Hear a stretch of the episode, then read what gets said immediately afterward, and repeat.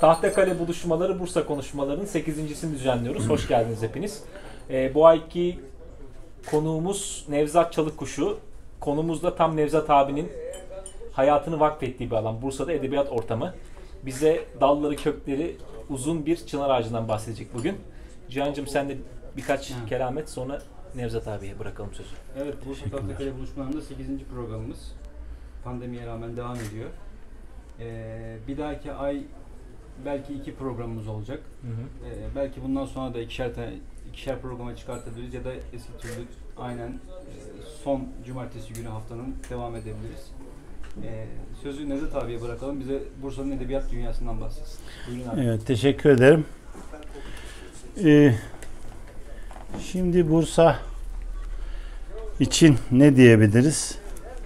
Başlangıçta. Bir yazımda Bursa ile ülfetimi anlatırken önlenemez bir duygudur Bursa. Bu yalnız biz Bursa doğumlular için değil, öyle veya böyle Bursa ile bir şekilde ülfeti olanlar için de böyledir. Kuşkusuz. O denli böyledir ki bu hissediş Edirne doğumlu Niyazi Akıncıoğlu'na en güzel Bursa şiirlerinden birini, İstanbul doğumlu Tanpınar'a da en tanınmış Bursa denemesini yazdırır. Şimdi demek ki Bursa için en bilinen metinleri ortaya koymuş insanlar Bursalı değil mesela. Ama Bursa böyle bir şehir işte. Yani kendinde doğmayanı bile kendine mal eden bir şehir. Kendim bildim bileli bir duygu seli halinde yaşarım kentimi. Ondan uzaklaşsam bile Bursa gibiyimdir diyarı gurbette. Diyarı gurbet dediğimde çoğunlukla İstanbul'dur. İşte bu vilayette olduğum zaman yarı kederli, yarı sevinçli, yarı çekingen, yarı atak bir hal ile yaşarım. Kısacası Bursa'dan ayrılınca elim ayağım dolaşır. Sudan çıkmış balığa dönerim. Sözümü yazımı bile zor toparlar, zor kağıda dökerim. Yazıma son şeklini vermek ve temize çekmek için Bursa'ya dönüşü beklerim. Hala böyle. Dürdane rampasından Bursa'nın ilk görünüşüyle derin bir nefes alır, kendime gelirim. Böyle seneler önce yazdığım bir yazı bu. Yani demek ki Bursa böyle bir şehir. Benim hayatım yaşıtım olan diğer Bursalıların hayatına benzer ama ben uğraşlarımın hemşerilerime benzemesini istemem. Onun olağan işlerine, onların olağan işlerine benzemesini pek istemem. Heykelin turları, yeşil kahve, mahvel, hüsnü güzel, özgen oturmaları varsın hepimizin hoşuna gitsin. Ee, hoşnut etsin, buluştursun. Ama yaptığımız işler, ürettiğimiz şeyler farklı olsun diye düşünürüm hep. Gelenek kabaca şudur. Doğal olarak Bursa sporlu olunacak. Uğurcuğum sen iyi kulak kes. Doğal olarak Bursa sporlu olunacak. Kahve ve meyhane sohbetlerinde bu durum iyice pekiştirilecek. Ve her halükarda tekstil işiyle uğraşılacak. Bursa'daki vaziyet bu. Bu işleyiş, işleyiş fasit bir daire olmuştur bizim kuşak için. Ben bu çemberi yazıyla ve onun toplamı olan kitapla uğraşarak yarmaya çalıştım. Lakin yine Bursa sporlu kaldım. Kahveleri ve meyhaneleri es geçmedim. Sadece kumaş yerine kitap ve dergi üretip sattım. Böyle bir giriş yapmış olayım. Yani ben aslında spontan konuşmayı severim. Bir sürü anlatacağım şey var. Çok kestirme gideceğim vakit yetsin diye. Anlatabildiğim kadarını bu gece anlatırım. Başka zaman gene anlatırım. Velhasıl e, şimdi şöyle bir film sahnesi kuralım. E, Bursa 1800 e, 79'lar 78'ler hadi o yıllar diyelim 80'lere doğru 1880'lere doğru yani Ahmet Eyüp Paşa vali olurken 79'da vali oldu. Geldi Bursa'ya vilayete oturdu. Bursa'da ne var? Ferahzade Mehmet Şakir diye bir adam var. Ferahzade Mehmet Şakir e, 15 yaşında devlete girmiş. 15 yaşında devlet memuru olmuş. Çok birikimli bir adam. Babası Hacı Hasip Efendi. Sahaflar Çarşısı esnafından sahaf. Burada Sahaflar Çarşısı Ulu Cami'nin altındaki yerdir. Orada şimdi cam mekanlı tek kitapçı var. Orası Sahaflar Çarşı'dır hala ismi bile. Hacı Hasip Efendi doğal olarak dönemin bütün aydınlarıyla orada hemhal. Dolayısıyla çok özel yetiştiriyor Ferazizade'yi. Hem kendi yetiştiriyor hem o aydınlar yetiştiriyor. 15 yaşında büyük bir birikimle devlete memur oluyor.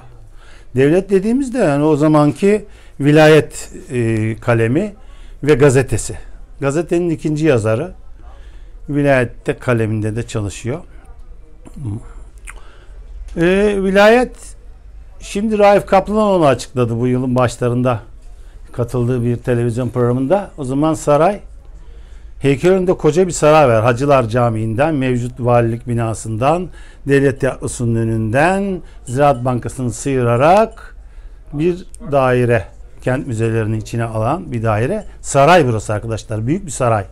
Buradan hiç fotoğraf yok şu an. Hiçbir fotoğraf yok bu sarayda. İlginç değil mi? Her şeyin fotoğrafı var. Bu yok. Belki Mesut abi de vardır. Varsa söylesin.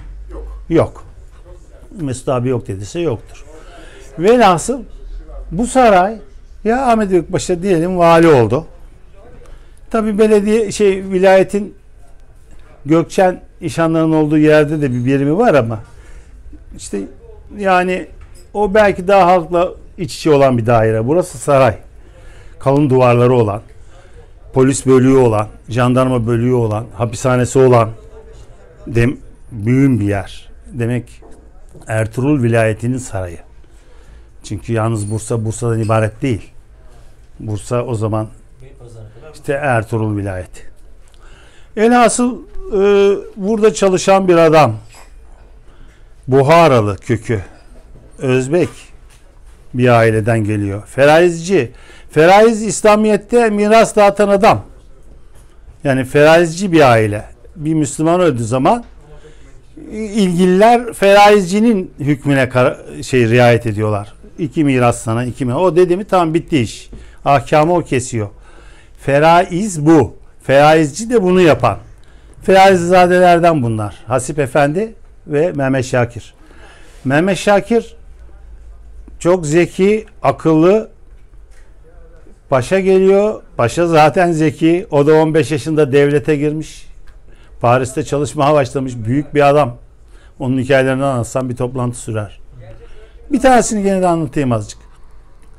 İstanbul'da e, Padişah Kayı ile geziyor Fransız Büyükelçisi. Bu da Paris'te kendine bir tane şey yaptırıyor. E, kral faytonu. Onunla geziyor Paris'te. Diyorlar olur mu sen krala benzetiyor herkes selamdır diyor. O zaman İstanbul'daki de diyor o şeyden vazgeçsin. Bindiği şeyden. Kayıktan. O bahsede hani böyle bir adam. Kısasa kısas yapan bir dış işleri mensubu. Neyse bu Vefik Paşa geliyor. Zeki bir adam dolu. Eserlerini yazacak. Zaten Paris'te tiyatro görmüş filan. Türkçeci, Türkçü. Ee, yazacak yani. Bir yandan şehri imar ediyor. Bir yandan büyük sorunlar var. 1880'de hemen göçmenler yığılmış kente. Ben o göçmenlerden birinin torunuyum. Kırım göçmenleri. Alacıırka'ya 15 hane yerleştirilmiş. Ee, bizimkiler önce Dobruca'ya, sonra Pirlepe'ye, sonra Bursa'ya geliyor baba tarafım. 15 hane bunları yeni mahalle daha sonra yerleşmiştir. Ee, bu Alacıırka'ya yerleştiriyorlar. Sonra orada Mecidiye Mahallesi filan Tatar mahalleleri çoğalınca yeni mahalle daha sonra kurulmuştur. Velhasıl e, Paşa ile hemen kaynaşıyorlar. Ve Paşa diyor ki bir tiyatro kuralım. Thomas Fasulyacı yani İstanbul'da grubunu dağıtmış. işsizler. Şu an tiyatrocuların hepsi işsiz. O zaman da böyle bir işsizlik var. Thomas Fasulyacı'nın ekibini çağırıyorlar Bursa'ya. Ahmet Büyük Paşa onlara hemen bir tiyatro binası yaptırıyor. Demin söylediğim sarayın neresinde? Ziraat Bankası'nın olduğu bölümün önünden geçmişti. Hemen bitişik gibi yani.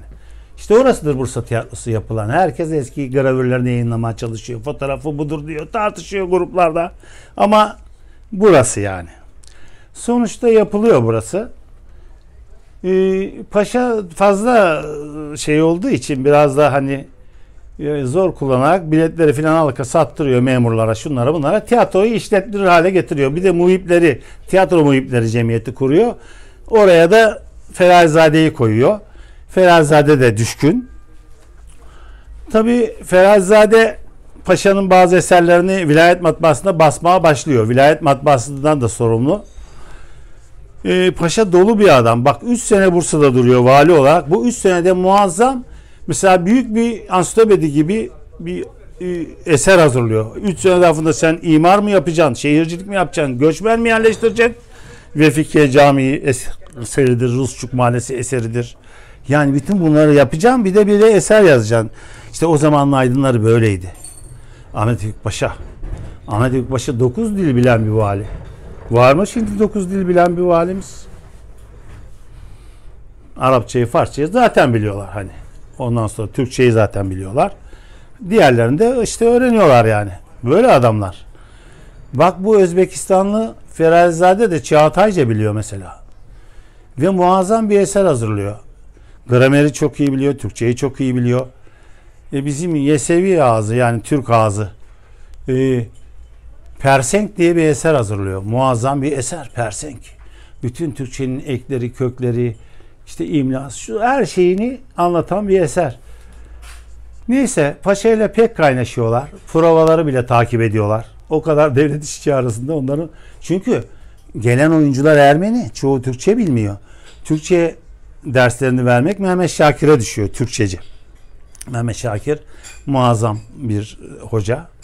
Onları bayağı eğitiyor. Ahmet Fehim Efendi Türk olan oyuncu bunları hatıratında yazar. Tercüman Kültür Yayınlarından çıkmıştır.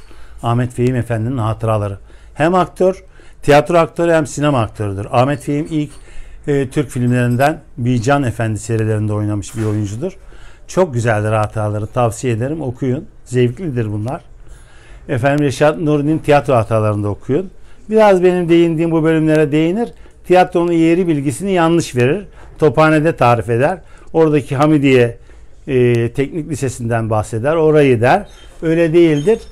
Teknik Lise Hamidiye'de değilken daha e, bu ıslahane olarak tiyatro kapandıktan sonra o Ziraat Bankası'nın yeri ıslahane olarak açılmış. Yahut daha öncesinde ıslahane sonra da gene ıslahane oluyor. Onların yararına oyunlar oynamışlar bu tiyatroda. Oradan karıştırıyor Reşat Nuri. Diyor ki işte bu tophanededir bu kursa bu Bursa tiyatrosu tophanededir diyor. Değil. Onu düzeltelim bu arada. Reşat Nuri rahmetli ömrü yetmemiş onu düzeltmeye. O metin öyle çıkıyor kitaplarda. Şimdi demek ki ne oluyor? Biz neleri şekillendirdik, temellendirdik? Şunları temellendirdik. Tiyatronun başlangıcını, yayın hayatının başlangıcını. Ha Ferazade bu devletteki memuriyeti yetmiyor. Kendisi hemen devlet tiyatrosunun yanındaki aralıkta 3 katlı bir evde oturuyor. Baba evi. 3 ee, katlı evin alt katını e, o dolmuşların olduğu aralıkta Ferazade sokakta şimdi adı kitapçı yapıyor e, ve matbaa yapıyor. İlk özel matbaacısı Bursa'nın odur. Ferazade Mehmet Şakir Efendi. E, bu bu kitap burada e, 1885'te açıyor bu dükkanını özel yeri. Bu dükkanda bir arkadaşı var Kemalettin Efendi diye şair 20'li yaşlarında kitapları var bastıracak yardımcı oluyor ona matbaadaki hani onun da kitabı basılsın diye. Çok ilginç. Düşünebiliyor musunuz? Yani o yıllarda e, demek 140 e, sene önce Bursa'da bu heyecanları duyan insanları düşünebiliyor musunuz? Bugün bu ortamı soluyan kaç kişi var? Şimdi e, ne diyoruz? Kendi özel matbaasında ilk dönemde 15 günde bir çıkarılan dergi diye Nilüfer dergisini çıkarıyor. Bursa'nın ilk edebiyat dergisi Nilüfer. Şudur. Bu benim Bursa Dergiler Tarihi kitabım. Tarih sırasıyla bütün dergileri 2014'e kadar anlattım bu kitapta. Efendim Fenari Kemalettin Mahmut'un ölümü üzerine Ferazade dergiyi tek başına idare eder. Bu şair arkadaşı Mehmet Şakir'in gencecik ölüyor. Fenarizade, Fenari Kemalettin Mahmut. Yani bu Yunanistan Fener'den e, oradan e, oralı kökü Göçmen bir çocuk o zaman için. Kemalettin. Onu da rahmetle analım. Onun kitaplarını o eserim yani asarım o zamanki şeyiyle toplamış.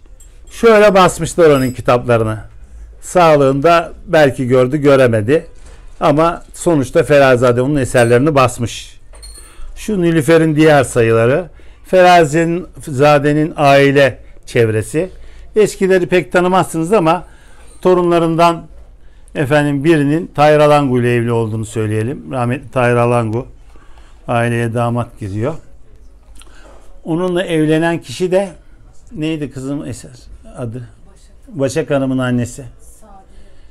Yok Sadiye değil. Geçen gün öldü işte. S- Arcıl. Saime miydi? O e, Lebibe Arcıl'ın kızı. Geçen gün yaklaşık 100 yaşında öldü. Ha, Mesude Alango. Tahir Alango'nun karısı. Geçen gün öldü. Yani Türkiye'nin en kıdemli yaşayan kültür insanlarından biriydi. Kıdemli deyince bizim Bursa'mızın en kıdemlisi de biliyorsunuz Muazzez İlmiye Çığ.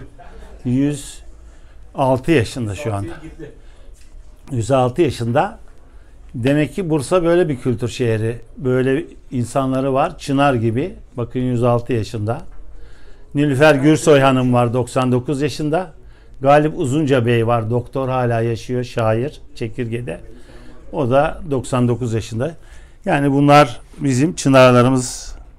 Demek ki İnalcı da sayabiliriz Nevzat abi. Kimi? İnalcı da sayabiliriz. kimi? Ali İnalcık. Bu Yani Bursalı değil Balıkesirli. Şimdi e, gelelim efendime söyleyeyim bu Nilüfer Mecmuası'na. Nilüfer Mecmuası demek ki ne oldu? Bursa'da yayıncılığın temeli atıldı. Dergicilik başladı. Tiyatro başladı. E, yani edebiyat başladı. Bursa'da edebiyat ortamı başlığımız. Buraya bağlamak bağlamamız lazım konuyu. E, ne oldu? Kimler yazdı kabaca? Efendim ee, Ferazade Mehmet Şakir, Recep Vahyi, Mehmet Emin Yurdakul, Rıza Tevfik, Hersekli Arif Hikmet, Ağlarcezade Mustafa Hakkı, Nigar Hanım, Mahmut Celalettin Paşa, Gazi Muhtar Paşa, Osman Faiz, ailedendir Osman Faiz, şair. Velet yani Ferazade ailesinden Velet Çelebi, Osman Nuri, Fenari Kemalettin Mahmut. Bunlar ağırlıklı olarak eserlerini yayınlıyor. Nilüfer Kırım'dan Mısır'a kadar her yere yayılıyor o yıllarda. Yani aynı e, e, Kırım'daki efendim Gazpralı İsmail'in gazetesi tercüman gibi. Yani çok tesirli. Aydın katında ilgi görüyor. Velhasıl e, çok başarılı bir memur ve kültüre büyük hizmeti olan e, Mehmet Şakir tiyatroyu da temellendirdiler. Fakat tabii Ahmet Paşa cerbezeli bir adam. Bursa'da gene kapalı bir muhit. Böyle yenilikleri fazla hemen hazmetmeyen bir şehir. Dedikodu yayılıyor. Ya bu paşa da bize zorla tiyatroya seyrettiriyor. Şudur budur. Şikayet gidiyor saraya kadar.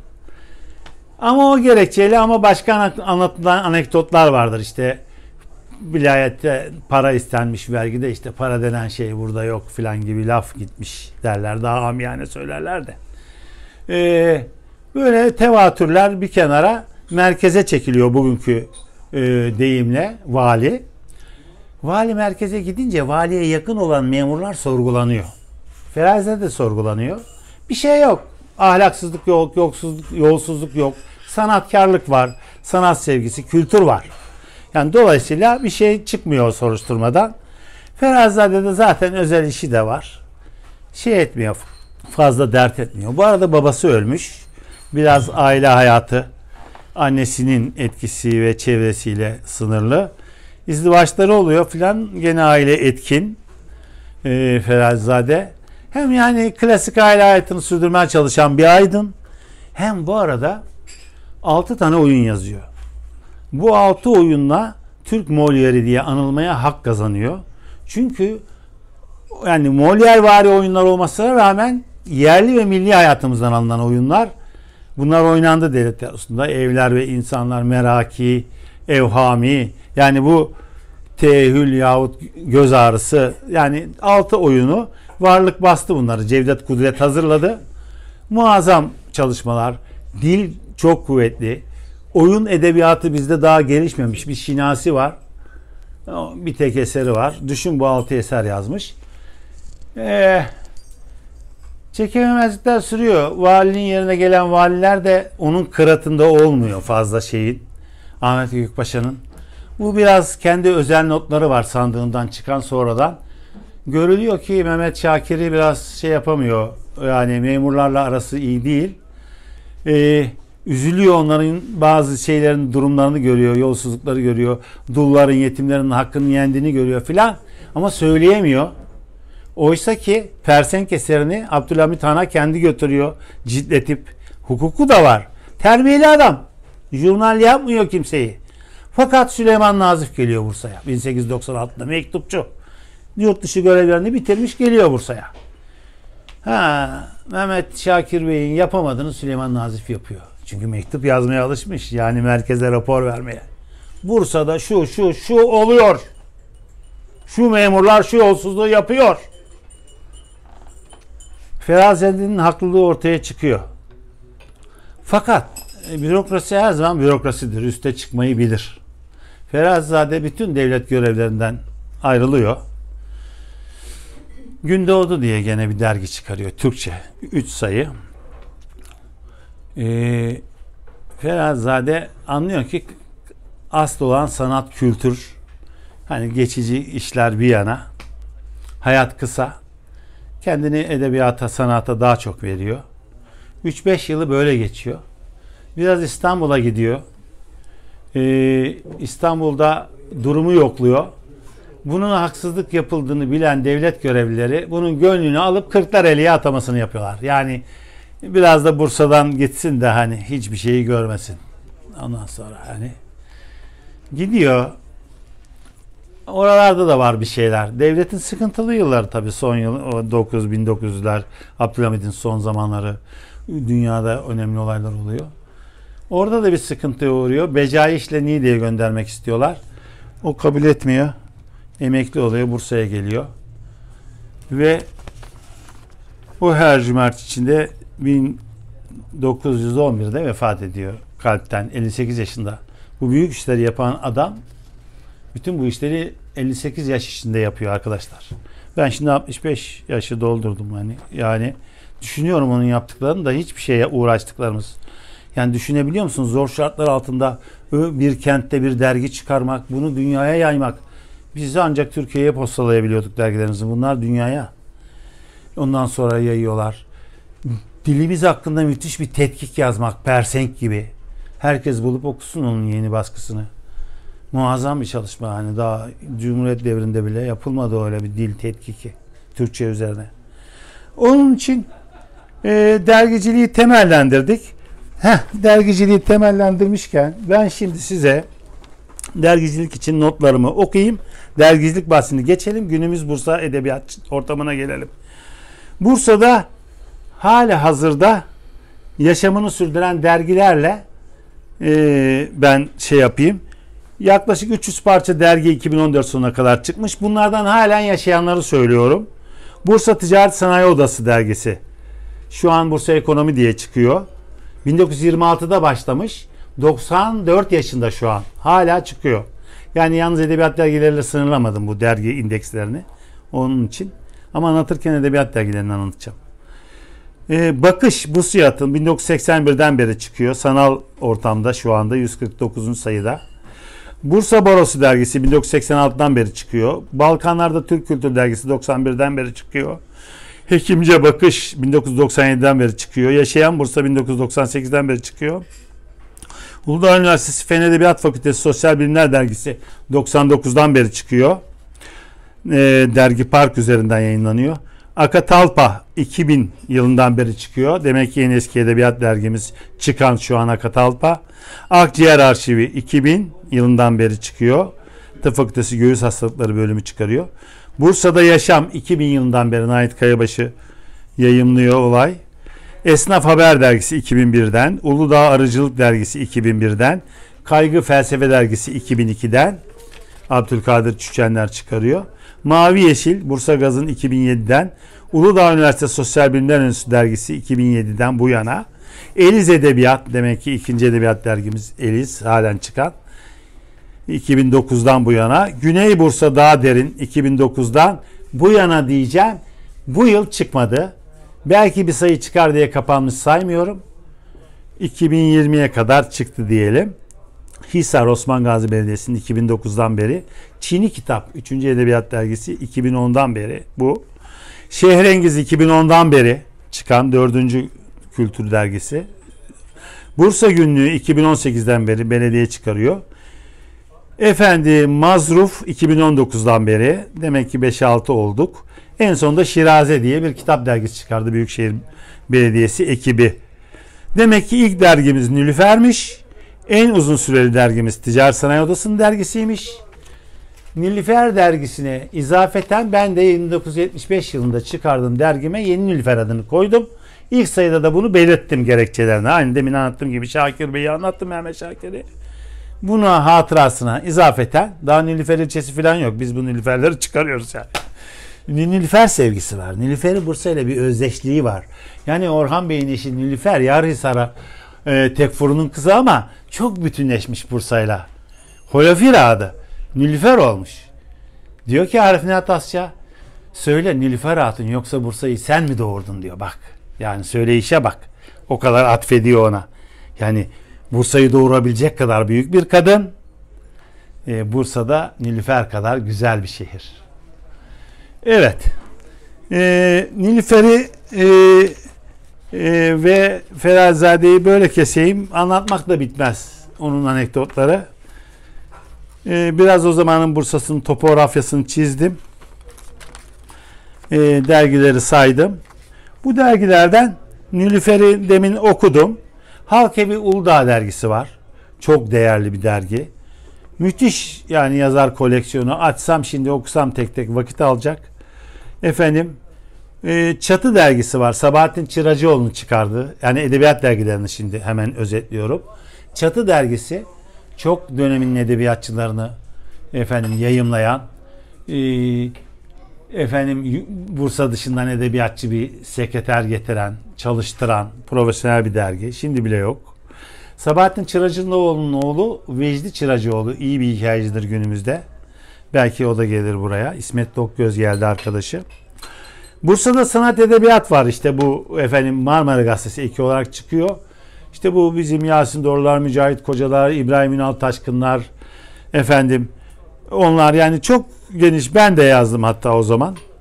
Yeni Nilüfer benim çıkardığım dergi. 1975'te Selami Üne ile çıkardık. O gün için Bursa'da mevcut olan bütün edebiyatçılar yazıyordu benim dergimde. 20 yaşındaydım. Dünya görüşü ayırmadan değerli bir şiiri yazıyı dergime koyuyordum. Yani objektivitenin olmadığı bir zamandı. Herkes bir tarafa ayrılmıştı. Ben dergimde bütünlüğü sağlamıştım. Dönemin Kültür Bakanı yani 70'te Talat Said Halman'dan bile yazı istiyordum Amerika'dan gönderiyordu. Hem de usus çalışıyordu yazıya. Ahmet Ekbaşı ve Bursa diye. Bastığım yazı bu. Gitmiş kütüphanelerde bunu araştırmış. Yani bak böyle bir kültür bakanları çıkmış bu ülkede. Yani adama bak, inceliğe bak. Bir Bursa dergisine yazıyorum diye gelmiş Ahmet Ekbaşı ve Bursa'yı Amerika'daki kütüphanelerde araştırarak bir yazı yazıyor ve gönderiyor. Söylesem inanmaz kimse. Alın şimdi bir kültür bakanından bir yazı kolay kolay üretebilir mi? Kim yazıyor? Turizmci galiba çoğu. Neyse yani 8. kıta onu Can Ulusoy'la çıkardık. Yeni Nilüfer Sur çıktı. Mücahit Koca ve arkadaşları. Daha çok eğitim enstitülü yazarların bir kadrosu kadro dergisidir. Ama çok nitelikli hikayeciler, yazarlar çıkmıştır buradan. Alkım e, dergisi, Bursa Eğitim Enstitüsü dergisidir. Çok nitelikli yazarlar çıkmıştır buradan. Bursa'da Zaman gene öyle bir dergidir. Biçem Yeni Biçem dergileri, Kayabaşı ve arkadaşlarının. İpek Dili bizim İhsan Deniz'de yaptığımız dergi. Türkiye'nin en iyi şiir dergisi diyebilirim. Bu kadar. Fazla bir şey demem. Akatalpa. Ramiz Tara'nın emeğiyle hala çıkan bir dergi. Eliz Edebiyat, Hilmi Aşal'ın emeğiyle çıkan bir dergi. Çin'i Kitap Fehmi Engin Alp'in yayınladığı bir dergi. Bursa Günlüğü Belediye'nin. Demek ki kültür dergilerimiz kabaca bunlar. Bütün bu dergiler etrafında kümelenen edebiyatçıların birbirleriyle ilişkileri ve bunların dönemlerine göre yarattığı Bursa edebiyat ortamı. Evet bunlar çok detaylı, çok güzel, çok zevkli anekdotları var hepsine ait. değinebildiklerimize değiniriz. Evet, buradan biraz konuyu hafif e, değiştirelim. Sıkılmıyorsunuz değil mi? Yani sıkılmadığınızı umarak konudan konuya atlıyorum. Evet.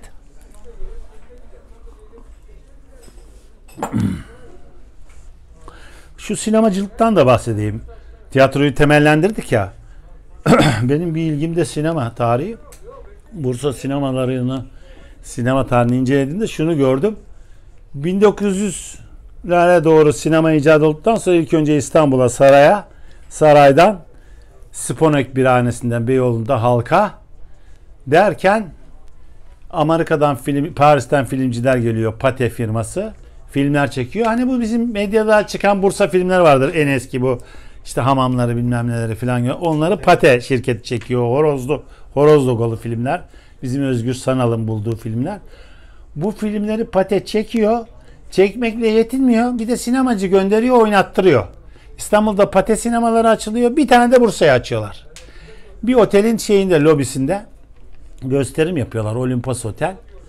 Bu Pate filmleriyle başlıyor Bursa'da 1910'larda. Raif Kaplanoğlu Olimpos sinemasını e, söylüyor. Raif Kaplanoğlu araştırmacı, e, güvendiğim bir arkadaşım. Onun kaynaklarını kullanıyorum. Çünkü yeni bir şey bulduğu zaman Aa öyle değilmiş böyle de diyebilen bir şey yani bir araştırmacı. Yani onun bulguları şu an en son bulgular bu saray bulgusu dahil. Sarayın kroküsünü buluyor arşivde Raif. Arşive gider ara Osmanlı arşivine. Onun üzerine yaptığı o saray açıklamasını. Ee, saraydan günümüze ne kaldı? Vilayet binası sarayın bir bölümü aslında. Jandarmanın olduğu, polisin olduğu bir bölüm. Valilik olarak şimdi kullanılan tarihi bölüm. Cumhuriyet döneminde hemen sarayın yıkıntıları 1916'da yok oluyor bu saray. Yıkı, yanıyor yani yıkılıyor. E, muhtemelen Ekrem Hakkari verdi bu kent müzesi binalarını yapıyor. Ee, yani ihaleyle müteahhit ve mimar kendisi. Çok değerli bir insan. Mimarlık tarihçimiz. İstanbul Barbaros'taki Barbaros anıtı da onun. Muazzam bir adam. Bursa'ya da hayrı dokunmuş. Velhasıl efendime söyleyeyim nereye geliyorum? Okullara geleyim biraz. Bursa Edebiyat Ortamını ben şimdi yazıyorum Bursa günlüğünde. İşte kahvelerdeki edebiyat ortamı, okullardaki edebiyat ortamı, edebiyatçı öğretmenler, edebiyatçı, sonradan edebiyatçı olan öğrenciler. Bunları gün geçtikçe, araştırdıkça yepyeni isimler çıkıyor. Bir makale yapmıştım. Sonra bu arkadaşlar beni şey yapınca bu konuya teksif edince yepyeni şöyle yeni notlar çıktı. Bir kitap çıktı bana yani. Bir kitaplık malzeme çıktı. Hemen okuyorum. Bursa Anadolu Lisesi yeni bir okul. Nadir Gezer gibi bir yazar müdürü var, kurucu. Talebelerden birkaç isim edebiyatçı olmuş. Hakan Köksal, Utku Yurtuncu ile mizah yazan. Ece Arar, Elçin Arabacı, Ahu Özyurt. Spiker Ahu Özyurt, Elçin Arabacı tarihçi burada konuştu.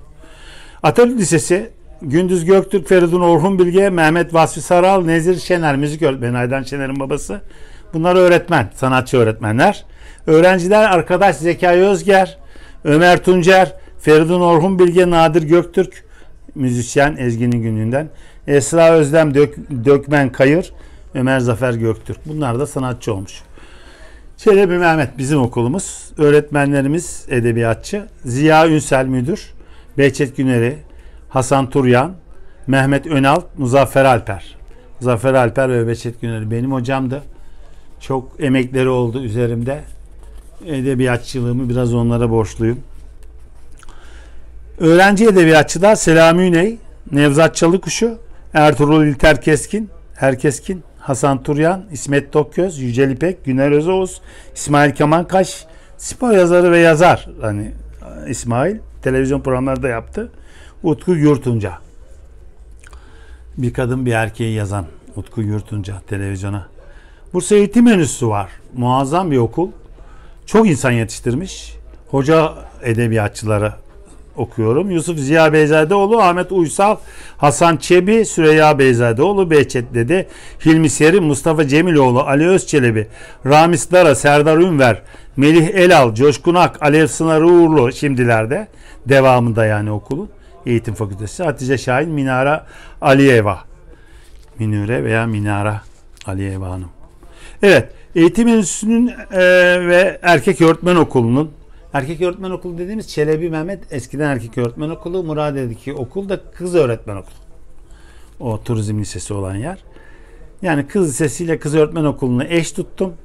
Eğitim enstitüsüyle de erkek öğretmen okulunu eş tuttum. Buradaki öğrencileri okuyorum. Edebiyatçı olmuş. Süleyman Edip Balkır, Servet Somuncuoğlu, Fehmi, Fethi Kayaalp, ressam bu. Numan Kartal, Aykan Uzoğuz, Nail Tam folklorcu, Beşir Ayvazoğlu, Ali Akmanlar, Özkan Yalçın, Bekir Kara, Turgut Çelik, Alaaddin Korkmaz, Oyhan Hasan Bıldır ki Mücahit Koca, Dilruba Nuray Erenler, Şaban Yalazı, Ahmet Tüzün, Feyzi Ülgü, Mustafa Yıldız, Raif Kaplanoğlu, Faruk Ambarcıoğlu, Özgen Keskin, Deniz Dalkılınç, Halide Yıldırım, Ali, Ali Erdal, Müslüm Çelik, İsmail Yılmaz, Seyit Nezir, Kemal İmer, Necla İnce, ressam, şair, yazar bu Necla Hanım. Evet bunlar bak bir eğitim enstitüsü deyip geçmeyin. Ne kadar yazacak adam yetiştirmiş. Ee, bunların öğretmenleri de olacak ama bir yerden çıkar herhalde. Karışmış. Ha buradan buradan yok. Çıkar. Tophane Endüstri Meslek Lisesi'nde Kemal İmer diye bir hoca var, edebiyatçı. Demirtaş Paşa Endüstri Meslek Lisesi'nde Zuhal Kişin Köseoğlu, Yusuf Yağdıran var edebiyatçı. Öğrencileri de aktör Erkan Can ve Tarık Tarcan. Buradan çıkanlar. Tabi muazzam bir erkek lisesi koleksiyonu var elimizde. Bunları bir hemen özetleyeyim size. Ee, Niyazi Akı, tiyatro tarihçisi, İsmail Habib Sevük, Mustafa Kemal Ergenekon, 20'li yaşlarda ölmüş iyi bir şair. Ziya Somar, felsefeci, Mustafa Niyazi Akıncıoğlu şair, Ziya Kaya, Mahmut Baler, Sait Faik Abasıyanık, Reşat Ekrem Koçu, İsmail Hilmi Soykut, Mümtaz Turhan, Oktay Aslanapa, Mustafa Tayla, Emin Ülgener, Supi Taşan, Faruk Taşkıran, Hilmi Büyükşekerci, Tarık Suberk, Necati Akgün, Selahattin Osman Tansel bazıları tarihçi. İlhami Soysal, İsmail Akbay bilim adamı, Mustafa Necati Sepetçioğlu, Ahmet Oktay, Orhan Karmış, Yücel İpek, Ahmet Mumcu, Rauf Tamer, Aykan Uzoğuz, Turhan Gürel, Ender Uzer, Tankus Sözeri, Haluk Şahin, Muzaffer Gültekin, İsmet Tokgöz, Necmi Gürsakal, Yüksel Akyüz, Yusuf Kenan Yetişen, Vecdi Çıracıoğlu, İsmail Doğan, İsmail Kemankaş, Fikret Aydemir, Murat Kuter, Teomen Alper, Ateş İlyas Başsoy, Hüseyin Kural. Burada konuştu. Yüksel Akgün, Nuri Kolaylı, Yıldırım Gürses, Öner Ünalan, Türkiye yazılarını Ragıp Gelencik diye çıkaran adam. Basit Sönmez, Erdal Özyağcılar, aktör, Ömer Tuğrul İnançer, tasavvuf ehli, Memduh Cumhur, Mehmet Ocaktan, Cüneyt Pekman, Ata Demirer, İsmail Gerçeksöz, Yılmaz Akkılıç, Tarık Tarcan, Alpay İzer, Coşkun Demir. Bu erkek lisesinin bir de öğretmenleri var. Yaman edebiyatçı bunlar. Muzaffer Gürses öyle seviliyor ki Muzaffer abi diyorlar. Lakaplar var ya. Hani öğretmen lakapları var.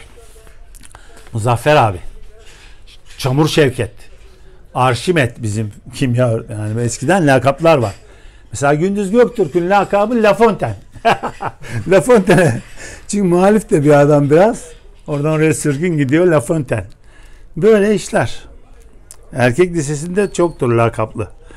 İhtifacı Mehmet Ziya Bey müdür geliyor 1892'de. İhtifaciliği çok tören düzenliyor böyle. Onun için buna ihtifacı diyorlar. Fakat aydın bir adam. O zamanki Mevlevihane açık şimdi yapılmaya çalışılan. Buraya gidiyor Mevlevihane'ye günlük Paris'te çıkan gazeteler bile geliyor Mevlevihane'ye. Onları okumaya gidiyor oraya. Yani öyle bir yer yani. O zamanki tekke yani öyle bilmem ne tekkesi değil. Öyle edebiyat, sanat, kültürün yoğun olduğu bir yer. Paris gazetesini Mevlevihane'de buluyorsun yani. O da gidiyor. Efendim sonra oğlu Galatasaray Lisesi müdürü olmuştur ihtifalcinin. Ferazade Mehmet Şakir Bey'i söyledim. Erkek Lisesi'nde öğretmenlik yapıyor bir ara bu memuriyetlerden şey olunca. Çok dürüst olduğu için buna ahlak öğretmenliğini veriyorlar. Evet Hüseyin Süleyman Nesip 1890'da hoca. Hüseyin Süret Özsever. Reşat Nuri Güntekin. Onunki bir alemdir. Büstü de var orada. Reşat Nuri Güntekin benim için de önemli gelmiş. İşte buralarda Zeynilerde filan Çalıkuşu yazınca bu romanda çıkınca 1922'de Osmanlıcası 32'de de Latin harfli baskısı yapılıyor. Benim babam da eski bir adam. 1907 doğumlu bir adam. İsmail Çalıkuşu. Okuyor romanı. Soyadı kanunu çıkınca ben Bursa mekanı olduğu için roman ben bu soyadını alacağım diyor. Çalıkuşu. Bu soyad beni motive etmiştir. Yani devamlı Çalıkuşu soyadı nereden geliyor? İşte sen de yazıyor musun? Filan diye diye beni yazar yaptılar. Yazıyorum tabii. İlkokuldan beri yazıyorum. Hem okuyorum hem yazıyorum. Yani doyamıyorum. Üç gün masadan kalkmadan bu notlara çalıştım. Anlayın yani. Şimdi geçelim bakalım kimmiş daha. Namdar Rahmi Karatay, Büyük Felsefe Okulu kurucusu bu adam. Hilmi Ziya Ülken. Mesela Ziya Somar'ı etkiliyor. Ee, Namdar Rahmi Karatay, Hilmi Ziya Ülken, Ziya Somar da felsefeci oluyor. Mehmet Mümtaz Ergin, çok önemli bir adam. Said Fahin hocası. Sende yazarlık kumaşı var. Hikaye yaz diyor. Şiiri bırak. Fakir Odman'ı yetiştiriyor. Mustafa Kemal Ergenekon'u yetiştiriyor. Üç tane edebiyatçı yetiştiriyor. Yetmez mi bir edebiyat hocasına?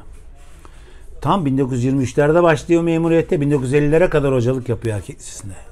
Bir heykel de ona dikmeleri lazım. Büst. Orhan Şahik Gökay.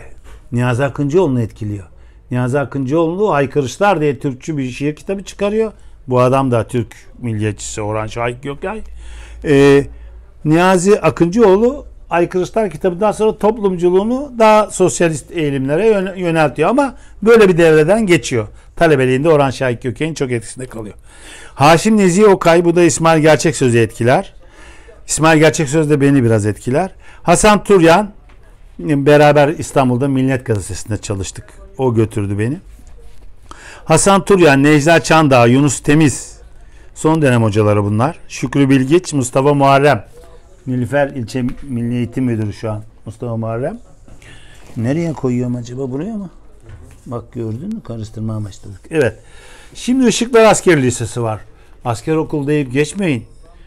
Ee, Ali Ulvi Eleve gibi dağ başında duman almış şair öğretmen.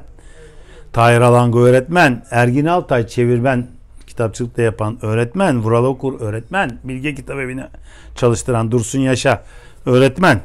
Edebiyatçılar. Bursalı Mehmet Tahir Bey öğrenci. Fuat Ulu, Çıncal Uluç'un babası öğrenci. Turgut'tan Celal Sılay. İsmet Bozdağ, Yılmaz Akkılıç buradan çıkma. Yılmaz Akkılıç iki sene erkek lisesinde okuyor. Ondan sonra daha garanti diye ışıklara gidiyor ve asker oluyor. Darbeci bir asker 70'lerde filan emekli oluyor. Kitapçı oluyor.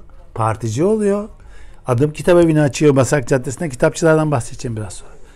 Neler neler ya. Bu Bursa bir alem yani. Ben doyamıyorum araştırmaya. Efendim İmam Hatip Lisesi'nden de Adil Özgüç, Beşir Ayvazoğlu, Mustafa Öz, Ömer Faruk Dinçel, İsmail Hakkı Ünlü, Mustafa Muharrem. Bunlar öğretmenlik yapmışlar. Bu Mustafa Muharrem öğrencilik de yapmış burada. İsmail Yılmaz, Yasin Doğru Ahmet Emin Yılmaz olayın yazarı. Mefail Hızlı, Mustafa Baki Efe, Ali Cebe eski gazeteci. Bunlar da okumuşlar bu okuldan ve sonra yazar filan olmuşlar. Ee, gazeteci ol- olmuşlar bazıları. Öğretmen edebiyatçı kız lisesinden Arif Eren, kız öğretmen okulundan bu. Muzaffer Kama'dan Zerrin Tığlıoğlu, Nevzat Güngörür. Kız Lisesi'nin öğrenci edebiyatçıları eee, Hatice Muazzez Kutlay, Fahrunüssa Kadıbeşegil, Ayten Uğral, Banu'nun annesi Banu Demiral'in Demir, e, Banu Demiral'ın annesi Ayten Uğral, Nadide Diker Küçüksiler, Selma Ümit Karışman, Şafak Pala, Nilüfer Kütüphane Müdürü, Eser Çalık şu kızım benim de orayı bitirdi. Sanat tarihçi. Efendim kitapları da var. Yenilerini yazıyor. Tanığım yani. Onu da yazdım listeye. Haberi yok onun. Gönül Akkor, Nur Sürer, Ayşe Alagöz, Fakiye Odman, Burcu Kara ak- aktris. Namık Sözleri Lisesi'nde Aykan Uzoğuz öğretmen, İlhan İrem talebe. Necati Bey Meslek Lisesi'nde Fakiye Odman, Zerrin Tılıoğlu, Güney Özkılınç öğretmen. Efendim özel bizim mektep var. Bursa'nın ilk özel okulu. Kimler var? O hoca Cemal Nadir var. Rıza Ruşen var gazeteci. Musa Ataş var gazeteci. Zeliha Budunç muazzam bir kadın müdüre. Ee, o, talebe ki Muazzez İlmiyetçi. Burada okuyor. Orhan Buryan burada okuyor. Türk Edebiyatı'nın en iyi denemecilerinden Orhan Buryan. deneme kitabı Yapı Kredi'den sevenler deneme türünü okumalı.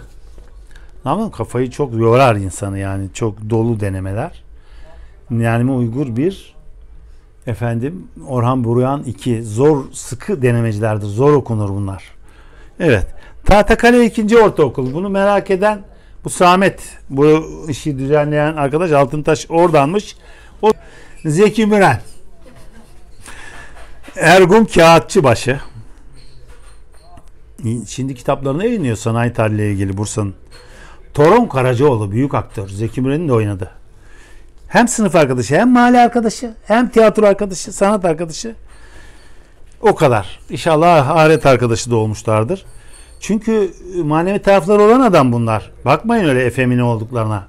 Toron Karacaoğlu. Kimin oğlu? Toron Karacaoğlu.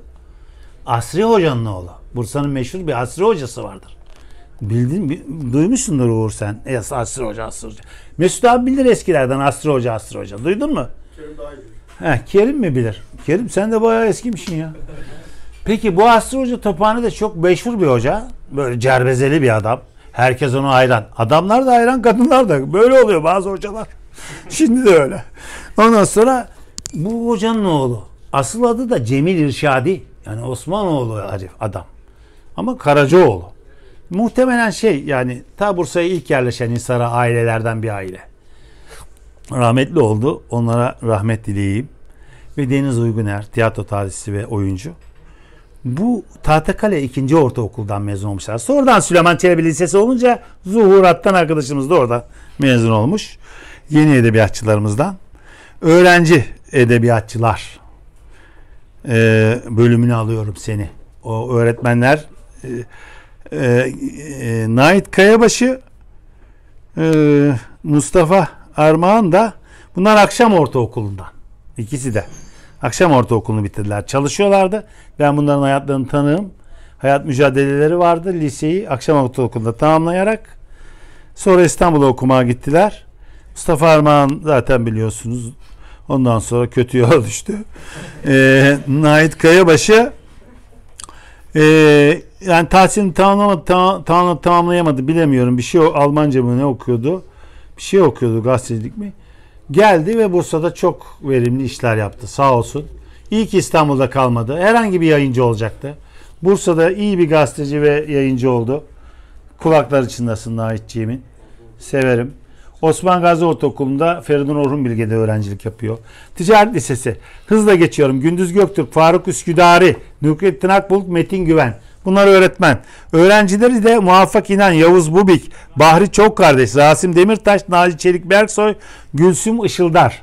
Bunlar da buradan yetişen edebiyatçılar. Yıldırım Beyaz Lisesi, öğretmen edebiyatçıları İhsan Üren, Mim Seydi Yamanlar, Mehmet Akif Ertaş, Türkü Tik- Tikensak. Öğrenci edebiyatçılar Nevzat Çalıkuşu, Mustafa Kemal Kuloğlu, Dilruba Nuray Erenler, Erdal Çolak gazeteci, Bora Özkula aktör, Hayrettin Erenler şair, Kamuran Reçber öğretim üyesi, Ayşe Altan yazar rahmetli oldu gençti. İzmit'te öldü. Erkan Can oyuncu Halil Kumava, Mehmet Ocak'tan ortaokulu orada okudu. Rasim Demirtaş rahmetli oldu. Bunları okuyorum. Mühim. Bakın bizim okullarımızda demek ki ciddi güzel eğitimler varmış bu mütevazi okullarımızda. Bu insanlar yetişmiş.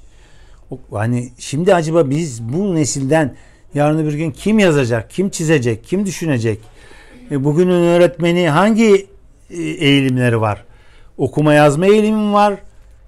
Yoksa işte nedir yani bugünün öğretmeni? Bunları da sorgulamalıyız. Efendim Bursa'da ilk öğretimde ö, çalışan edebiyatçılar var. Basri Gocul, Uludağ İlkokulu, Şaban Akbaba, Sabiha Köstem, Süreyya Akçoy, Hoca İlyas. Bunlar günümüz edebiyatçıları. Nursel Aras özel okulda çalışmış. Uğur Satılma Yunus Yılmaz İlkokulu'nda yeni kitabı çıkıyor şu anda. Şükrü Gökçek Atatürk İlköğretim, Raif Kaflanoğlu Uludağ İlköğretim'den emekli, Deniz Dalkılıç, Turgay Ciner'de, Mansur Işıkbol Balaban Bey'den emekli, Aymen Akçay, Nihal Aksoy, Elif Akpınar, Hıdır Toraman Özel Dershane'de, Cüneyt Özkurnaz, Hakan Tan İlkokulu'nda şehit, Cevat Akkanat Bursa'daydı gitti, Ertuğran Elmas, Şenol Yazıcı, Mustafa Başpınar, Celil Bozkurt. Bunlar da öğretmenlik yaptı. Celil şu an yüksekokul hocası, tarihçi Düzce'de. Efendim yüksek okullarda da e, akademisyen olarak e, öğretimci olan, hoca olan, öğretim üyesi olan insanlardan edebiyatla ilgilenenler var. İhsan Sezal şair, İbrahim Serhat Canpolat şair, Mahmut Kanık şair, Kadir Atlansoy edebiyat hocası, Bilal Kemikli öyle, Saadettin Eğri öyle, İbrahim İmran Öztahtalı halen, Ahmet Cevizci felsefeci, Abdülkadir Çiçen felsefeci, Murat Yurtsever edebiyatçı, Bedir Mermutlu emekli ama iyi bir yazar. Mustafa Kara'yı biliyorsunuz. Buraya da geldi. Süleyman Uludağ onun hocası. Muazzam bir adam. Aynı zamanda Tahtakaleli. Size biraz Tahtakaleli edebiyatçılardan bahsedip Mesut abi uyuma. Heh. Biraz da Tahtakaleli edebiyatçılardan bahsedeceğim. Bir iki şiir de okuyacağım. Değiştireceğim konuyu. Çok ağır gidiyor. Ahmet Lütfü Kazancı, Osman Çetin, Elif Burcu Özkan. Evet. Ben şimdi bir iki şiir okuyayım da değişiklik olsun. Tahtakaleli edebiyatçılar Metin Güven. Ee, Tahtakale'de İnebey Caddesi'nde otururdu. Orada vefat etti. Efendim Murat Aydınlar. Çamlıca Süthanesi vardır şurada. Oranın evladıydı. Yeni öldü. Süthaneci olarak arkadaş olduk. Ama ailelerimiz köklü tanışıyormuş. Sonradan çok kaynaştık. Üç kitabını neşrettim. Efendim fotoğraf sanatçısı oldu. Bursa'nın en iyi fotoğraf sanatçılarından biriydi. Önce Can Çiçeği diye amatör bir kitabını bastım. Yayın evimi koymadım. Daha bilmiyorum adam ne olacak. Sonra baktım biraz adam oldu. Yağmur dindi diye e, kitabını bastım. Biraz alkolle çok içli dışlı böyle de bir kapak yaptım. Sonradan daha böyle tasavvufa eğildi. Su kokusu diye de artık bu zirve noktası çok iyi bir kitap oldu. Şöyle bir çocukcağızdı Allah rahmet eylesin. Öldü gitti. Ama çok yani e, hayatı anladı, iman etti ve öldü. Çok o yüzden o hani şeyim. Çünkü çok sefih bir yaşamın içinde arkadaşlık yaptım.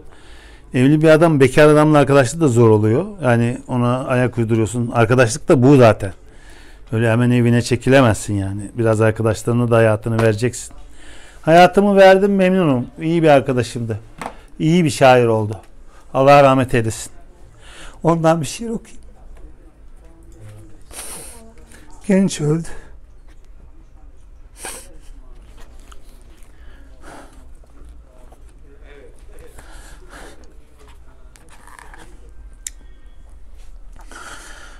Su kokusunu okuyayım bakalım.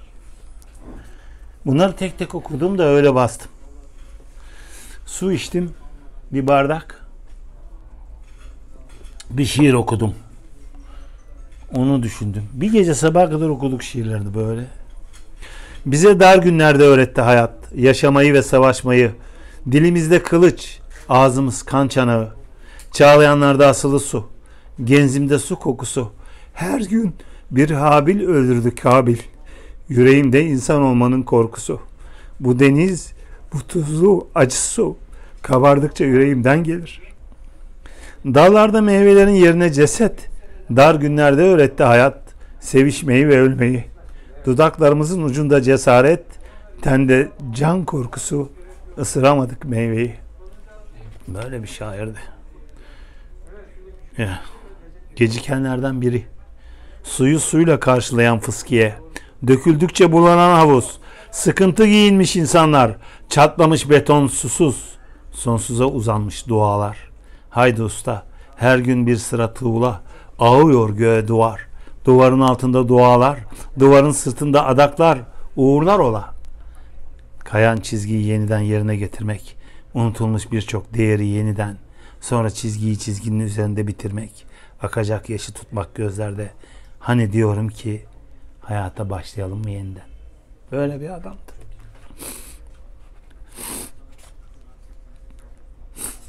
Su istiyorum ben. Samet. Saatleri indirin duvardan. Kolunuzdan sıyırın bir an. Sonra koşun. Koşun zamana inanmadan. Işıkları söndürün bir akşam. Dağlara bakın karanlıktan. Zamanı damıtsın yıldızlar. Sabah olacaktır uykunuza gün doğmadan. Yollara bakmayın. Korkmayın taşıtların kalabalığından. Dalları birbirine kenetli orman ki içimizde gizlenir insan yanıyla Tarzan. Tarzan şiiri bu. Yani hepsi bir başka güzel. Yani hangisini okusam ki? Neyse. Murat'a da ara vereyim. Biraz kendi şiirlerimden okurum sonra. Yani böyle Tahtakale'nin edebiyatçıları var. Ramiz Tara çok dolaşıyor halen. Tahtakale edebiyatçısı sayılır. Tophane'de oturuyor. Murat, Metin. Aman ondan da ne örnekler var. Sonra başka zaman okuruz. Metin Güven. Eşi Saffet Soyes öldü. Saffet de Tahtakale'de çok bulundu. Başka Tahtakale'de kimler var? Tahtakale'ye yani çıkan var muhakkak. Ben de çok geliyorum. Yani Tahtakale'ye uğradığımız, sevdiğimiz bir yer. Yani bu toplar, toplantıların Tahtakale buluşmaları diye olması da çok manalı olmuş. Güzel olmuş. Tevafuk olmuş. Çok hoşuma gitti bu format, bu tabiilik, bu şeylik. Yani burada içimizi döküyoruz. Ben gördüm diğer edebiyatçılar da içini döktü. Yani aslında edebiyat bir iç dökme midir? Değildir ama yani biraz da paylaşmak değil midir canım? Yani herkes böyle içine atarsa atarsa atarsa ne olacağız? Yani korona da içeride korona. Dışarıda maske zaten gidiyoruz ya. Hani ölmeden dökelim içimizi. İyi oldu yani. Ben de bu gerekçeyle katıldım. Şimdi hemen şu öbür tarafı tamamlayayım. Konu değişsin yoksa ben dayanamıyorum. Yani öldüğü zaman ağlamamaya çalıştım. Şimdi ağladım ya. Bursalı olmayıp Bursa'da vefat eden bazı şairler var. Yani hayatı burada bitmiş. Süleyman Bektaş gibi, Sabahattin Bayramöz, Nurettin Haykırış gibi. Demin lakaplardan bahsetmiştim. İşte La Fontaine, Gündüz Göktürk, Çamur Şevket, matematik hocası. Efendim Künova, Mustafa Yazla, müzik şey öğretmeni, el işleri öğretmeni. Muzaffer abi, Muzaffer Gürses. Çok da iyi bir edebiyat öğretmeni. Canavar Süheyla, Süheyla Cansev biyoloji öğretmeni, Köfte lakaplı İngilizce öğretmeni Gülser Erkal. Çok lakap çok. Efendime söyleyeyim. Ee, yok. Ondan sonra e, velhasıl kelam şimdi kitapçılardan bahsedeceğim. Ee, Yücel Balku, Ahmet Veske, Osman Bayraktar da Bursa'daki işte yüksekokul şeylerinden sağ olasın. Ee, başka yüksek okullardan çıkmışlar. Edebiyatçı veya ilahiyatçı değil de hani iktisat falan okumuşlar ama edebiyatçı olmuşlar. Ee, Bursa'da bir de şey var. Yani klasik şiirimiz, halk şiirimizin temsilcileri var. Hani Bursa kent yani neticede kırsal bir kesim değil. Orta Anadolu değil filan ama gene kendine göre bazı böyle halk edebiyatçıları var. Dışarıdan da gelse burayı benimsemiş kalmış. Onları not aldım. Aşık Gümrani 2018'de ölmüş Bursa'da. Aşık Reyhani 2006'da ölmüş. Mehmet Alptekin'in Aşık Yetimi 2018'de. Aşık Ummani 84'te. Süleyman Yücekaya yaşıyor. Aşık Nizamoğlu 49 doğumlu yaşıyor. Aşık Ummanoğlu 61 doğumlu Enver Saraçmış bu arkadaş yaşıyor Bursa'da. Aşık Hilali Şahin Alpay 43 doğumlu. Aşık Civani Mustafa Oral 43 doğumlu yaşıyor. Wolfram madeninde çalışırdı. Mustafa Oral'ı hatırlıyorum. Aşık Dumani ölmüş 2010'da. Böyle halk şairlerimiz var. Geçen de gene Bursa İnegöl'ün köylerinden birinden bir halk şairi. Bursa doğumlu vefat oldu. Not alamadım onu. Yani kendinden de hala çıkan halk şairleri var. Çünkü folkloru var Bursa'nın. Yani folkloru var. Ee, mesela bu bizim Murad'ın babası sağdır hala Faruk amca. Bursa folklorunu çok iyi bilir. Yani bütün Bursa türkülerini bilir. Yani yalnız zeytinyağlı yemem aman filan değildir yani Bursa türküleri. Ama ne türküler var ne türküler. Ne de derlemeciler var. Efendim. Bunları da geçtim. Hemen kitapçılar bölümüne geleyim. Şimdi hani sahaf kültürü filan ilk önce böyle lanse ettik. Bir saatte bunları anlatmışım. iyi anlatmışım. Birazcık daha sıkayım sizi sonra salacağım. Kitapçılardan bahsediyorum. Ferazizade'nin babası Hacı Asif Efendi'yi anlattım. Bak Ferazizade gibi adam çıkarıyor kitapçı dükkanı. Yetiştirir insanı. Üniversite bitirmiş gibi olursun iyi bir kitapçıyı takip edersen. Aydınlar Kitabevi. Hemen Yeşil Caddesi üzerinde Haluk Şahin'le Abdullah Şahin'in babası subay emeklisi Aydınlar Kitabevi'ni açıyor. Subay emeklisi Aydın sayılıyor ve de kitabevi açıyor. Aydın da yani kitap sevgisi var. Zaten anlatıyor bir kitabında Haluk Şahin. Ağrı'ya dönüşte falan anlatıyor bunu. Şimdi Bozcaada kitabı çıkardı Haluk Şahin. İyi bir hemşerimizdir. İhsan Şekerci klasik kitapçı Akın Kitabevi'nden dönüşmüş. Şekercioğlu Kitabevi olmuş. Suunet Kitabevi. Ali Haydar Kitabevi var. Çok mühim. Yani bu Fransız konsolosluğunun falan olduğu, bu Ferazadelerin faaliyette olduğu dönemde kitapçı bu Ali Haydar. Öyle bir kitapçı o eski Bursa kartpostal fotoğraflarını basan ve yayan kitapçı. Fransızca baskılıdır ama Fransız konsolosluğu sponsor ediyor. Ali Haydar basıyor dağıtıyor. Ali Haydar ömür boyu dağıtımcılık işini sürdürdü. Gazete dağıtımcılığını oğlu Armağan Gerçeksi'ye devam ettirdi. Ali Haydar Kitabevi daha sonra set başında açıldı.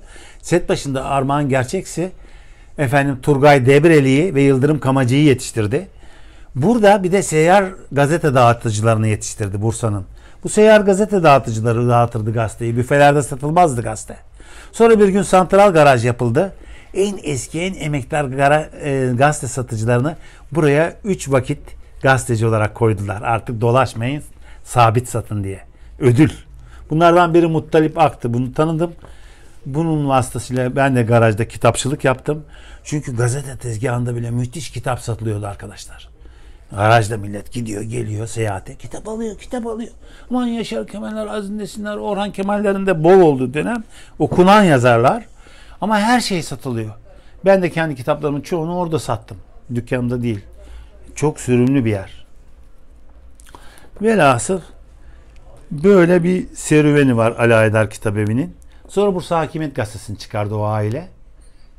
E, Sönmezler'de devam ediyor gazete. Zeki Mumcu var. Hande Mumcu'nun dedesi. Ahmet Mumcu, hukukçu Ahmet Mumcu'nun da babası. Ankara Kitabevi var. Aydın bir aile. Hemen nerede? Cevdet Mayruk'un dükkanının yanında. Heykelön'de Şaban Sirkeci'nin dükkanının yanında. Mumcu Kitabevi.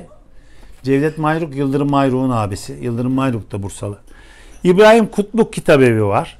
Bu iyi bir hoca. Devlet arşivlerinden falan emekli olup Bursa'da bir müddet kitapçılık yapıyor. Yazar kendisi. Yazar kitapçılarımıza devam ediyorum. Yılmaz Akkılıç Adım Kitabevi'ni açtı. Sabahattin Özçen yazar değildi. Özçen Kitabevi'nde çok emek verdi. Vural Okur edebiyat yazardı. Yani kitapları var bunun. Elma yayınlarından filan. Bilge Sahaf Kitabevi'ni işletti. Bir Suat Kitabevi vardı. Bir Sur Kitabevi Mücahit Koca hikayeci şairdir. Yaşıyor. Cavit Çemrek bu çok enteresan bir adam üstünde durmam lazım. Ulu Cami'nin orada ciltçiydi. Aslında askeri okuldan ayrılmış veya atılmış. Kitapçılığa başlamış. O eski klasik sahaflar çarşısında ciltçilik yapıyor.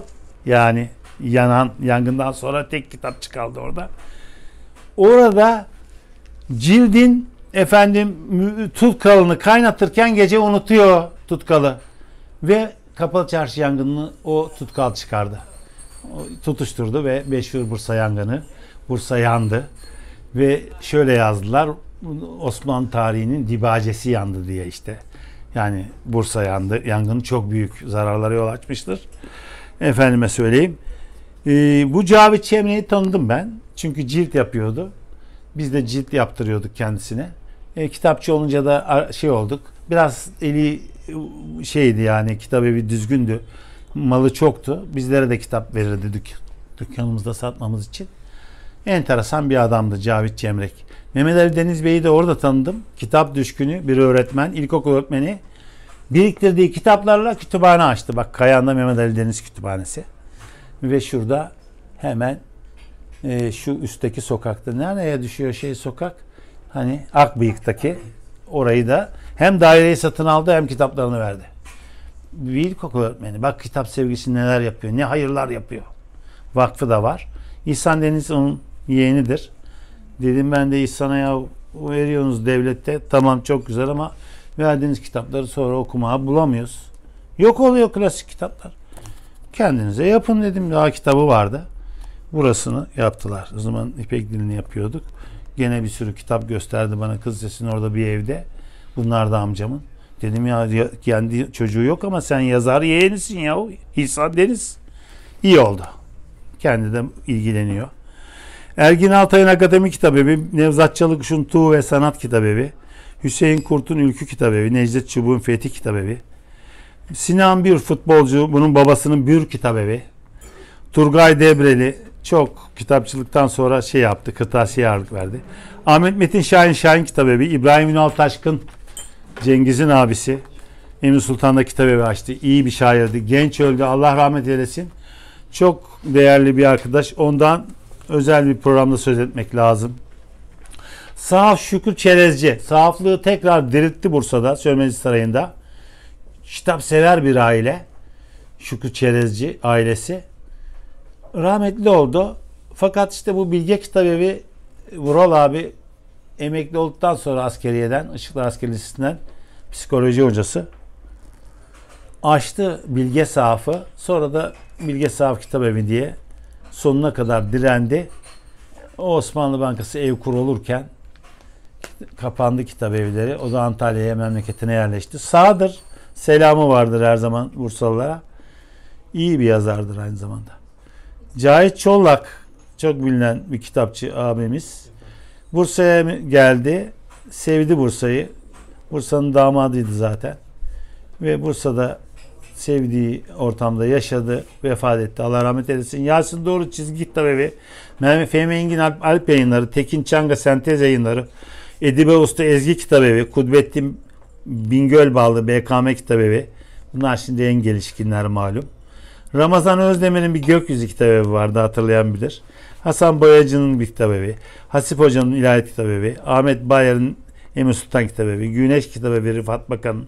Asa kitabevi Mecit Bilgin'in. Sahaf Sami devam ediyor. Eser kitabevi. Sahaf Levent Özsimitçi devam ediyor. Burhanettin devam ediyor. Efendim Öykü kitabevi devam ediyor.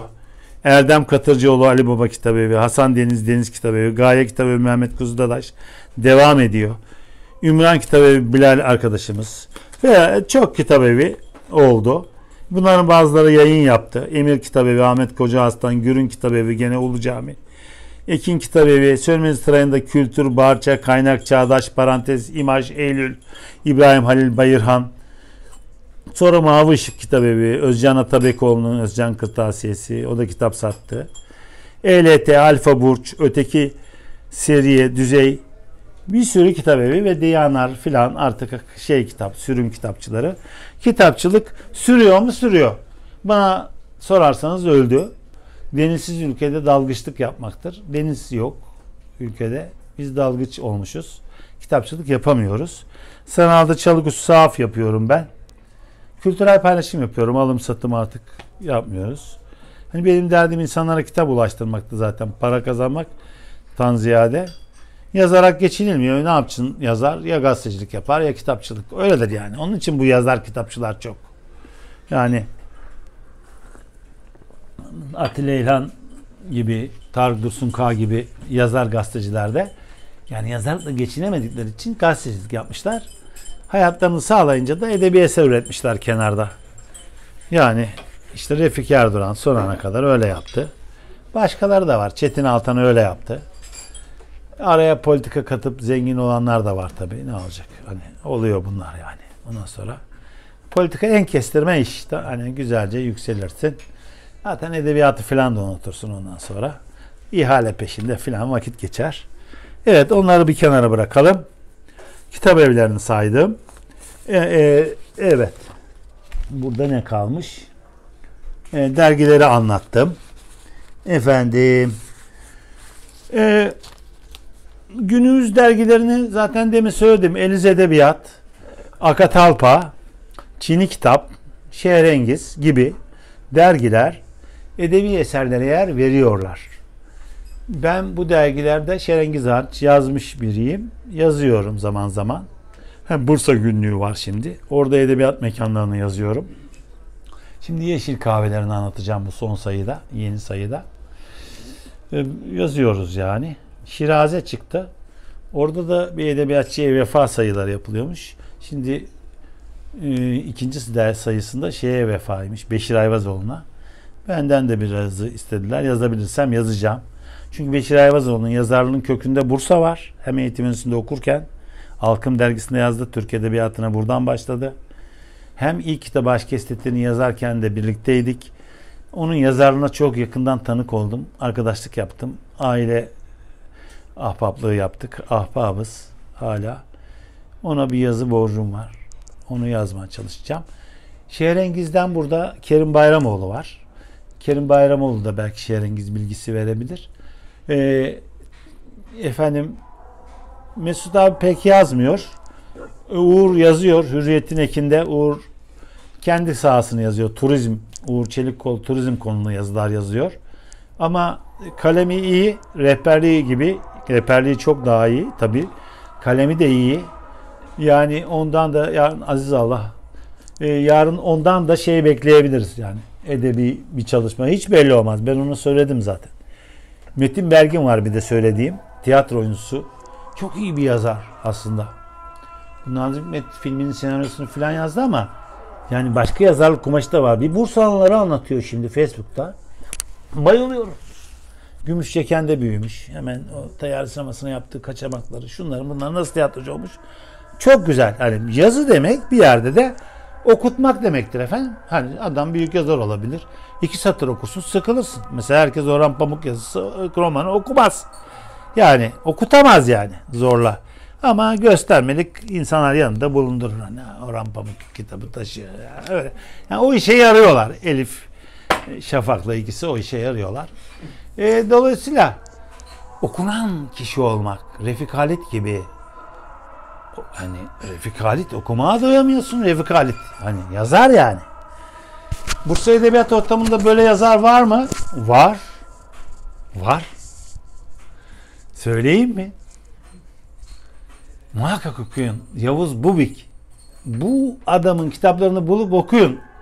Bursa'da yeniden keşfedeceksiniz. Yavuz Bubik. Takip edin. Yaşı ilerledi. Sağdır. Mümkünse ziyaret edersiniz. Çok tatlı bir kalemi var.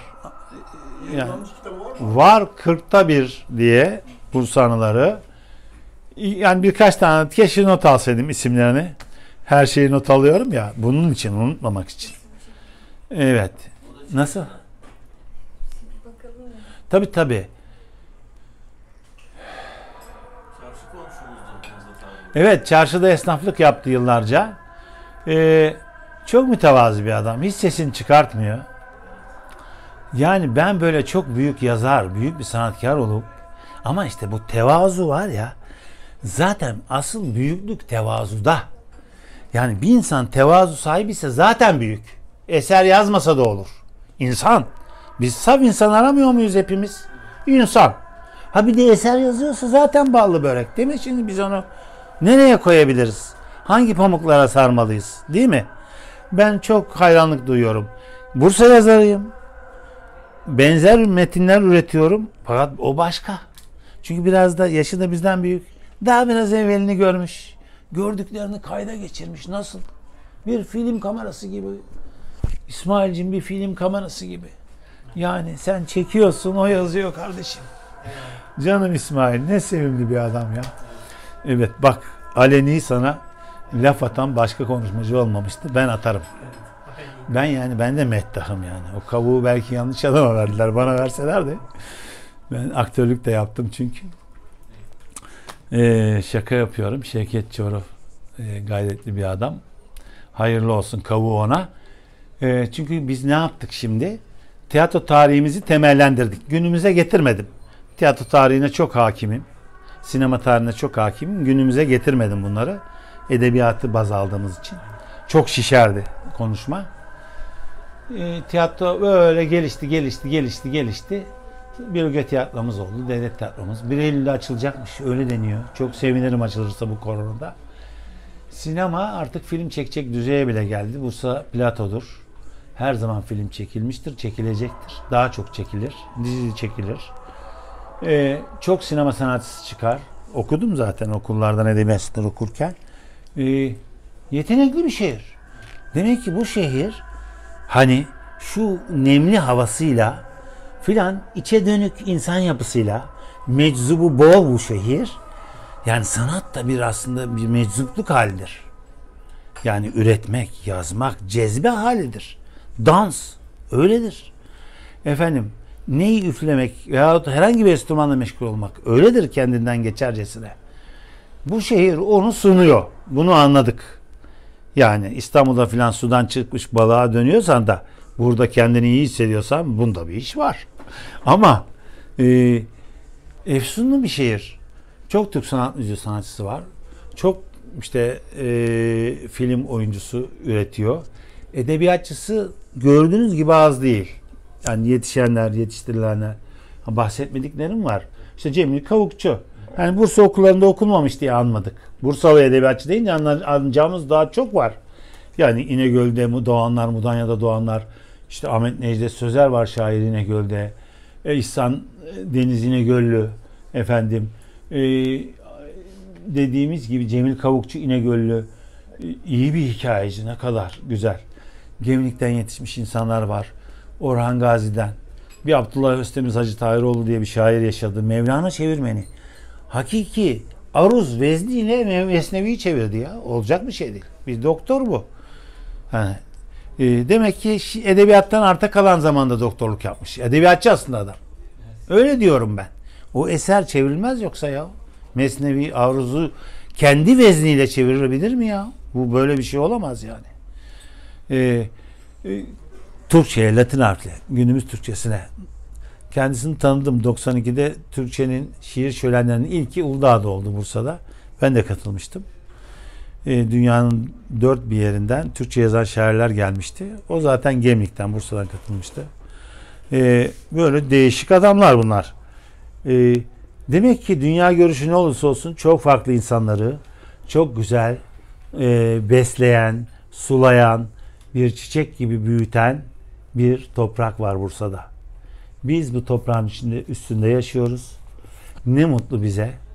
Bize bu şehri bırakan atalarımıza ne kadar e, minnet duysak azdır. Hazır bulunan yerlerin kıymeti olmuyor. Ben bu yerin nasıl tekrar kazanıldığını, hazır bulunsa bile her an kaybedilebileceğini yaşayan bir nesilden öğrendim. Anneannem bana işgal yıllarını anlattı Bursa'nın. Biz yani burada yaşama hakkında kaybetme noktasına gelmiş bir toplumuz. Fakat unutuyoruz balık hafızayız.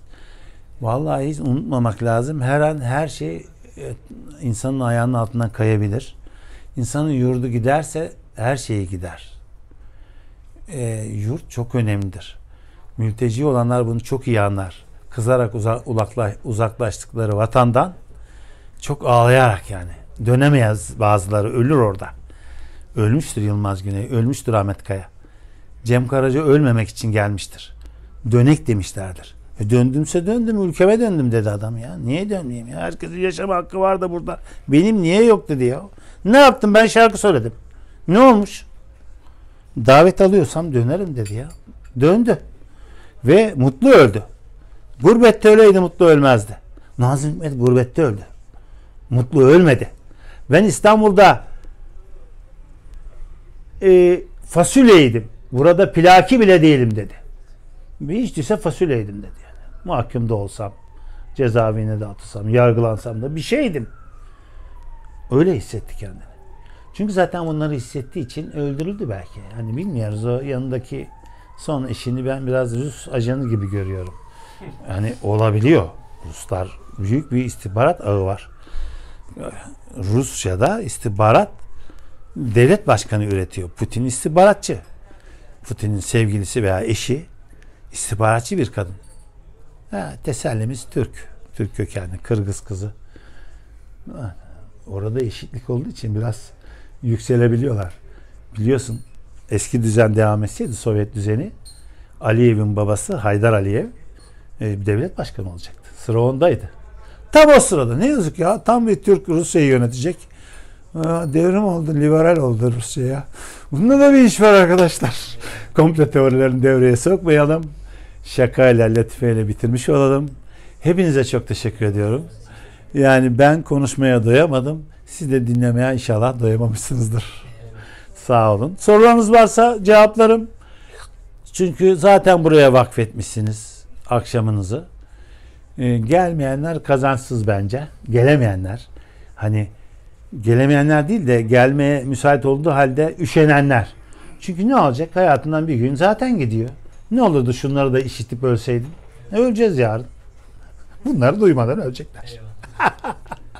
Var mı Evet. sorusu Nevzat abi olan? Varsa dinleyelim. Yoksa kayıttan çıkalım. Sizin var mı abi? Valla ben ne diyeyim? Ben ne kadar konuşsam yani ne diyeyim ki? Ee, Baştan alalım. Yok şurada şimdi şuradaki ha, kendi şiirlerimden okuyacağım. Bir iki tane onunla bitireyim. Yani bu yazımda dediğim gibi ne dedim ben? Ey okur benim bu kentte söz ve yazı alışverişim ölene dek süreceğe benzer. Bir dileğimi de belirtmeliyim burada. Bir gün eğer başka bir yerde tükenir kalırsa bedenim ben Bursa'ya gömülmeyi isterim. Bir yazarın hakiki varisi okurudur. Onun için bunu sana vasiyet ettim. Bursa Şair Sultan Cem gibi bu şehirden sağ ayrılıp da ölü denen herkesi şefkatli bir ana gibi basmadım bağrına. Bu yazıyı böyle bitireyim. O yazıyı da atlaya atlaya okumuş oldum. Ee, şiirlerim burada. Bu ilk dört kitabım Soluk, Uğraşın sabahına doğmayı, Çağrışım, Soluk, Uğraşın sabahına doğmayı beklerken ve iklimler değişir. 83 yılıydı iklimler değişir çıkardığımda. Değişti hakikaten. Ama ben bayağı ön sezimle kitap ismi yapmışım. Ee, ondan sonra kitap yayınlamadım. Bu kitaplarımı okuyanlar var aranızda. Dolayısıyla bu kitaplarım e, dan değil son şiirlerinden okuyacağım. Basılmamış. Kitap olmamış şiirlerinden. Onlarca epeyce oldu. Kaç sene 30 senedir falan. Bu kadar yazmışım. Düz yazıya çok eğildiğim için fazla şiir üretmiyorum. Mühim değil zaten şiirin fazlalığı değil. Öne, iyiliği önemli. Son şiirinden başlayıp birkaç şiir okuyayım. Perde. Yani şu korona e, birazcık e, sel vesaire son zaman tehlikeleri üzerinden bir şiir bu. Hortum oldu geçenlerde. Şöyle bir şiir yazdım 23 Haziran'da. Perde. Şaşalı rüzgarın hediyesi, kırık bir dal parçası, bir tutam kantoron otu, irkiltici hortum ve tanrıların gözyaşı sel. Yüzüm kızararak, ağı dolu bir simsarak kaldırıyorum yok olasıca kötü ruhların şerefine. Perde. Bu son şiirimdi. Sanki bu yıl gelirken bir şey sezmişim yani bunu bir ön sezi şairlerde böyle bir ön sezi oluyor yani. Yani şimdi hiç ben yeni yıl şiiri falan yazmam. Yeni yılın başlangıcı şunu yazmışım. Yeni yıl. Yıl yeni. İnsan eski, yıl yeni. Yenile insan kendini, yenmesin yeni yıl seni. Hepimiz yenecek ya bu yıl. Böyle bir durum var. Ama dua etmişim, dilek dilemişim yani. Aman yenmesin yeni yıl seni demişim. Ve bu son iki şiirimi elimle yazdım. Efendim sizin için. İnternette paylaşıyoruz ya. Oradan çektim. Yok yani eskisi gibi daktilo şairliği falan bitti. Öyle. Efendim eee, şöyle bir iki tane şu Kaz Dağları'ndaki olay beni çok rahatsız etmişti. 2016'da başlıyordu. Şimdi çok moda oldu ya. Ama ben o zaman şöyle bir şiir olayı sezmişim. Som sevgiyi aramak. Bu evrende uçsuz bucaksız topraklar dahi tükenir eşile deşile. Kazarak Kaz Dağı'nı ulaşılabilir belki altına ya da Cerat Tepe'de madene. Erişilemez ama son sevgiye sondajla vinçle. Heh, yani 2016. Hala bir şeye ulaşmak için kazıyoruz bakalım. Ne olacak? Bazen soğuk gecelerde bazen ne söylediği belli olmayan yüreklerden bir tokat iner yeryüzü yüzünüze. Oysa beş parmak nasıl yakışırsa bir ele, gül dikene nasıl razı olursa, öylece kabulünüzdür biraz sonra yağacak yağmuru taşıyan sevdalı bulut. Lakin damla bile düşmez. Elbette. Bu da bir mülteci meselesi var. Çok rahatsız ediyor beni çoktandır. Ta 2015'te yazmış, yazmışım. Şu sıra yağmurun incesi yağar. Annesiz çocuklar üşür yine. Bir şarkının bölünmüş notaları gibi mülteci ölüşler denizlerde. İçimde yavru martı iniltileri. Bu ağaçsa bildiğin ağaç. Yeşil yapraklı ama dargın. Sen madem insansın bütün bu olup bitene elbette kırılacaksın. Bu da böyle. Kıssadan hisse. En kısa yol zirvede bir tepeden ötekine atlamaktır. Hayatsa bazı duraklarda derin bir nefes alıp yola devam etmektir. Ah biz de yağmur yıkasa hüzünlerimizi güz yaprakları düşmeden. Yine bu vakitlerde yazmışım bu şiiri herhalde. Güz yaprakları bekliyoruz şimdi. 6 Kasım'da yazmışım. Evet. Kendine kördüğüm, kendinin tutuklusu eski bir hükümlü, belki de sevgi mahrumu, yoz gönül sürgünü, yetiştirdi bir bardakta çiçeğini. Kör düğümünü çözmüştü görünüşte. Lakin yine olmadı. Bir adı vardı kendinin. Unuttu, gitti. Bir şiir daha okuyayım. Gene 2014 yazında böyle böyle bir yazmış yani gene. Gene sezmişim sanki. Bu yaz yaza yaza buza yaza yaza boza yaz boz. Kısır döngü. Gene böyle. Tatil, yemek, sanat, teknoloji, savaş, ilhak, zulüm, iflas, ihlas, dua, nedamet, af. Dön baba dönelim. Acep nereye gidelim?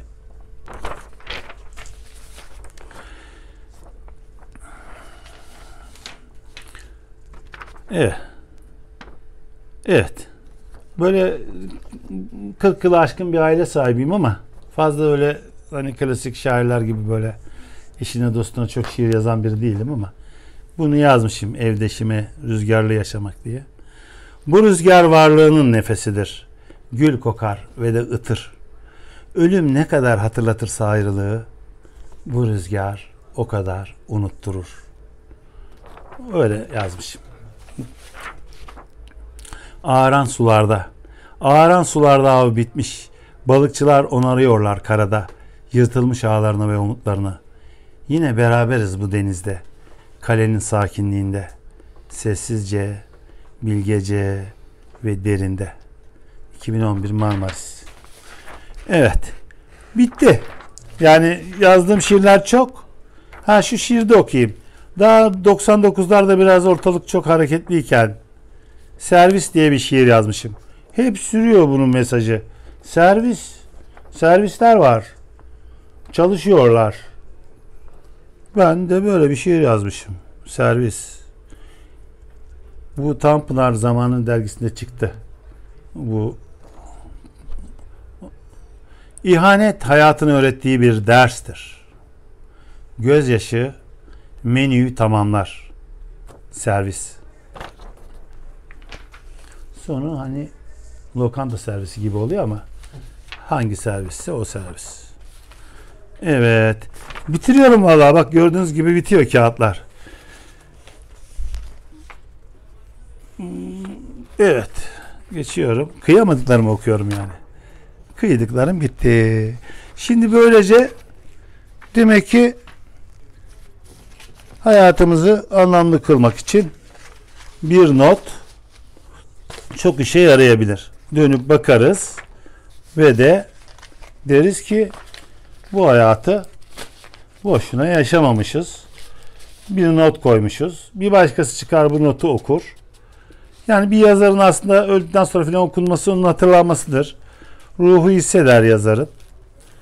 Yani hiçbir şey boşa gitmez. Hepinize tavsiyem okumakla da yetinmeyin.